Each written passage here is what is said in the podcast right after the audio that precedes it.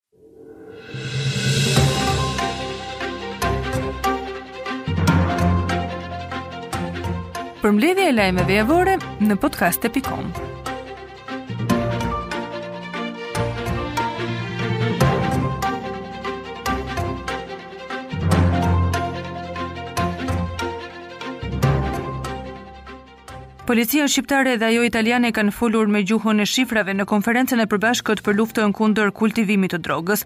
Përfaqësues të lartë të Policisë së Shtetit dhe të Policisë Italiane kanë bërë prezente edhe një analizë të rezultateve të arritura gjatë vitit 2022 në luftën e përbashkët kundër kultivimit të kanabisit. Gjatë vitit 2022, Policia e Shtetit bën me dije se janë kryer gjithsej 156.124 kontrolle, duke përdorur edhe 53 dronë. Ka marrë dhe trajtuar 7.358 informacione policore për kultivimin e bimëve narkotike, si dhe ka ndjekur 186 procedime proaktive me metoda speciale të hetimit kundër kultivimit të bimëve narkotike. Në përfundim të fjalës së tij, drejtori i përgjithshëm ka falënderuar Departamentin e Sigurisë Publike të Ministrisë së Brendshme të Italisë, misionin Interforce, Guardia di Finanza dhe të gjithë kolegët italianë të angazhuar në luftën e përbashkët kundër kultivimit të kanabisit.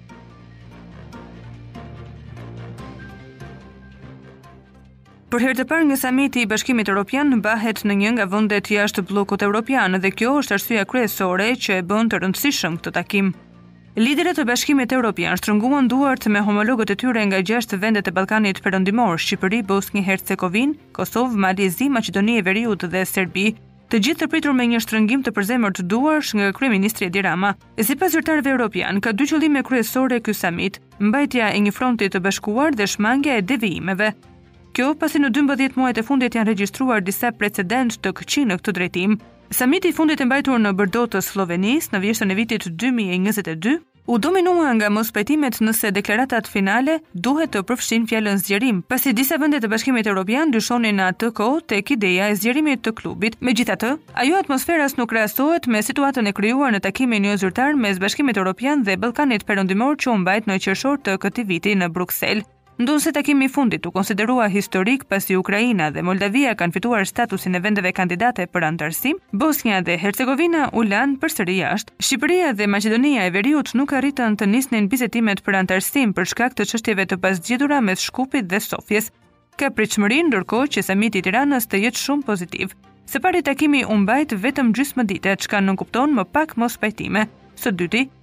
Draft dokumenti që ka qarkulluar në disa media për të cilën kanë punuar njëzet e shtatë vendet anëtare të bllokut javët e fundit, është optimist dhe jo shumë kritik për gjashtë vendet e Ballkanit Perëndimor. Që nga fillimi i luftës së Rusisë në Ukrainë, vendet skeptike si Franca dhe Holanda kanë nisur të mbështesin idenë që anëtarësimi i vendeve jo anëtare në bllok nuk është ide e keqe. Në këtë dokument përfshihet edhe fjala zgjerim. Për më tepër, në këtë samit u shmangën temat që shkaktojnë dasi.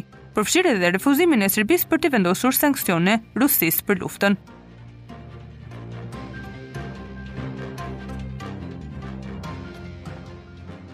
Policia e Tiranës ka vënë në pranga Albana Ferajn, e cila mori ryshfet 131.000 euro për të favorizuar një kompani italiane për një tender të vitit 2016. 48 vjeçarja u kap nga shërbimet e komisariatit numër 2 në kryeqytet, teksa prokuroria e posaçme kundër korrupsionit dhe krimit të organizuar ka caktuar masën e sigurisë arrest me burg për veprat penale Korrupsion pasiv i personave që ushtrojnë funksione publike dhe pastrimi i produkteve të veprës penale ose veprimtarisë kriminale. Në atë kohë Albana Ferraj përdori kompaninë e saj për të përfituar ryshfetin 131.000 euro në tenderin e dhënë nga OSHE. Në rolin e drejtoreshës së kabinetit pranë OSHE, ajo arkëtoi ryshfetin prej njëqind e tridhjetë e një mijë eurosh nëpërmjet kompanisë italiane Com Metodi me seli në Milano. Më herët u arrestuan ish-drejtori i prokurorimeve të OSHAE, Elis Bushati, Athinta Papa, Irma Derhiri. Nga hetimet e bëra nga SPAK, Elis Bushati, Athinta Papa dhe Irma Derhiri, anëtarë të Komisionit të Vlerësimit të Ofertave kanë kryer veprime në kundërshtim me ligjin. Ambasadori shqiptar në Britaninë e Madhe kërkoi nga Londra të mërkurën që t'i kërkojë ndjesë shqiptarëve për fushatën anti-emigrant në mediat djathtiste britanike që pasuan komentet armiqësore të sekretares së Brendshme britanike. Fëmijët me origjinë shqiptare po bullizohen në shkollat britanike për shkak të mbulimit negativ të mediave, tha Qirjako Qirko para Komitetit të Parlamentit Britanik. Ambasadori shqiptar në Londër ishte ftuar nga ligjvënësit britanikë që t'i përgjigjej pyetjeve në lidhje me gomonet e mbushura me emigrantë që kapërcejnë pa u ndalur kanalin anglez. Marrëdhëniet mes Londrës dhe Tiranës kanë qenë të acaruara muajt e fundit, ndërsa qeveria britanike po përpiqet të ndalë kalimet në kanal. Më shumë se 40.000 emigrantë kanë ndërmarrë udhëtime shpesh të rrezikshme në barka të vogla deri më tani këtë vit, dhe shqiptarët janë tani grupi më i madh mes tyre. Ambasadori Qirko pranoi se shumë prej shqiptarëve që tentojnë brigjet e Londrës janë emigrantë ekonomikë, ndërkohë që ka edhe nga ata që pretendojnë se janë viktima të skllavërisë moderne dhe si të tillë pretendojnë azil. Por ai kundërshtoi zëshëm një deputet konservator që tha se shqiptarët vinin në Britani për t'u bërë pjesë e krimit të organizuar. Një javë më parë, kryeministri britanik Rishi Sunak dhe homologu i tij shqiptar Edi Rama ranë dakord në një bisedë telefonike për të bërë më shumë, me qëllim që të ndalet fluksi i shqiptarëve. Sunak pranoi kontributin pozitiv të komunitetit shqiptar në Britaninë e Madhe, pasi Sekretarja e Brendshme Suella Braverman zemëroi Tiranën dhe Kombet e Bashkuara kur i konsideroi kalimet e paligjshme të detit një pushtim. Ministrja e Brendshme më herët ka fajësuar kriminelët shqiptarë si ideatorë dhe organizatorë të fluksit të gomoneve. Shqiptarët dhe qytetarët e Ballkanit Perëndimor do të paguajnë më pak për telefonatat në vendet e Bashkimit Evropian, duke nisur nga viti i ardhshëm. Marrëveshja për uljen e tarifave gradualisht deri në heqjen e plotë të tyre u nënshkrua ditën e martë me nisjen e samitit Bashkimi Europian Ballkani Perëndimor në Tiranë. Sipas marrëveshjes, palët janë dakordësuar për të lehtësuar tarifat nga viti i ardhshëm, me synim që në një të ardhme të afërt të shkojnë drejt heqjes së tyre të plotë. Prej korrikut të vitit të kaluar, në fuqi ka hyrë marrëveshja për heqjen e tarifave mes vendeve të Ballkanit Perëndimor. Ujdia u firmos në kuadër të procesit të Berlinit, heqja e roaming dhe mbajtja e samitit për herë të parë jashtë kufijve të Bashkimit Evropian dhe në një vend të Ballkanit Perëndimor është interpretuar nga ekspertët si një sinjal i Brukselit për t'i treguar rajonit përballë ndikimit rus se i përket perëndimit. Gert Shehu është 31 vjeçari nga Tepelena, por banues në Tiranë, i cili goditi me grusht ish-kryeministrin Sali Berisha teksa ky i fundit po marshonte drejt podiumit të protestës. Bëhet fjalë për një person i cili vuan nga probleme të shëndetit mendor, i cili fatmirësisht nuk ka marrë dëmtime të rënda ndonëse u dhunua për disa minuta nga truprojat e Berishës dhe mbështetës të këtij të fundit. Nga verifikimet paraprake të Policisë së Tiranës rezulton se 31 vjeçari ka precedentë të mëparshëm kriminal për plagosje, prishje të qetësisë publike dhe në fushën e narkotikëve. Ai po hetohet për veprën penale goditje për shkak të detyrës, ndërsa nga kartela mjekësore e siguruar mësohet se Shehu vuan nga çrregullim psikotik të papërcaktuar që prej vitit 2018. episodin e fundit të sëmundjes ai e ka patur më 10 gusht të vitit 2022, kur është paraqitur në urgjencën psikiatrike. Shenjat e sëmundjes së tij të përcaktuar në kartelë janë ankthi, frika dhe dyshimi pa arsye. Sa i takon gjendjes shëndetësore pas dhunës, burime nga trauma bëjnë me dije se 31 vjeçari ka hematoma, kryesisht në kokë për shkak të goditjeve të marra.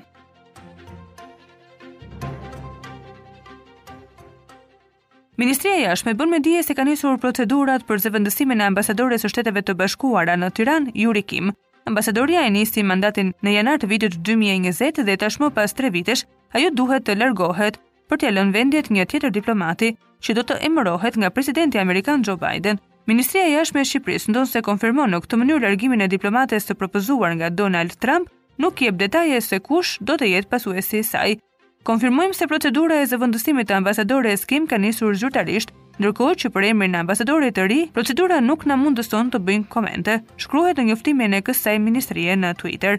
Yuri Kim mbërriti në Tiranë si ambasadorja e Shteteve të Bashkuara të Amerikës në Republikën e Shqipërisë në janar të vitit 2020. Ambasadorja Kim, një diplomate karriere, ka punuar mbi sfidat kyçe të politikës së jashtme dhe sigurisë kombëtare në mbarë Europën, Azinë dhe Lindjen e Mesme.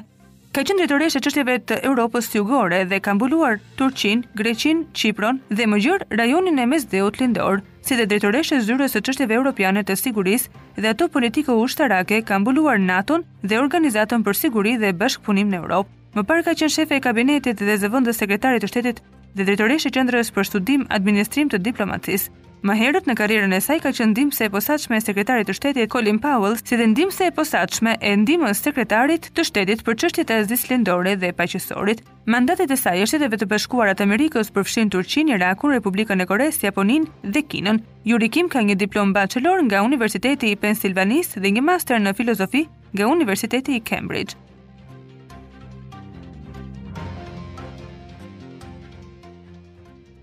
Nëntë dhjetori është dita ndërkombëtare e antikorrupsionit. Në renditjen e fundit të Transparency International, Shqipëria u përkeqësua me 27 vende krahasuar me vitin 2016, por cilët janë faktorët që ndikuan.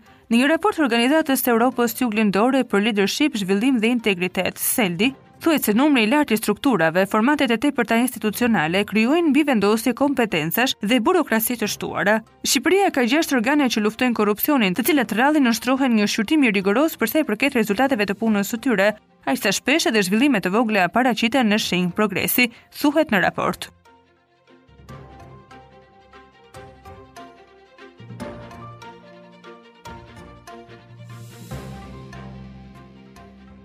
Gjykata Kushtetuese kërkon që brenda një viti të plotësohet kuadri ligjor përmes të cilit sigurohet vota e emigrantëve.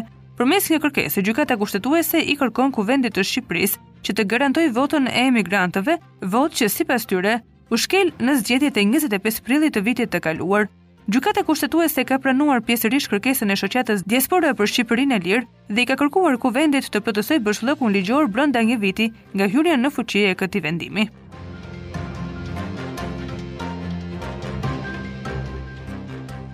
Ndoqët përmbledhjen e lajmeve javore në podcast.com.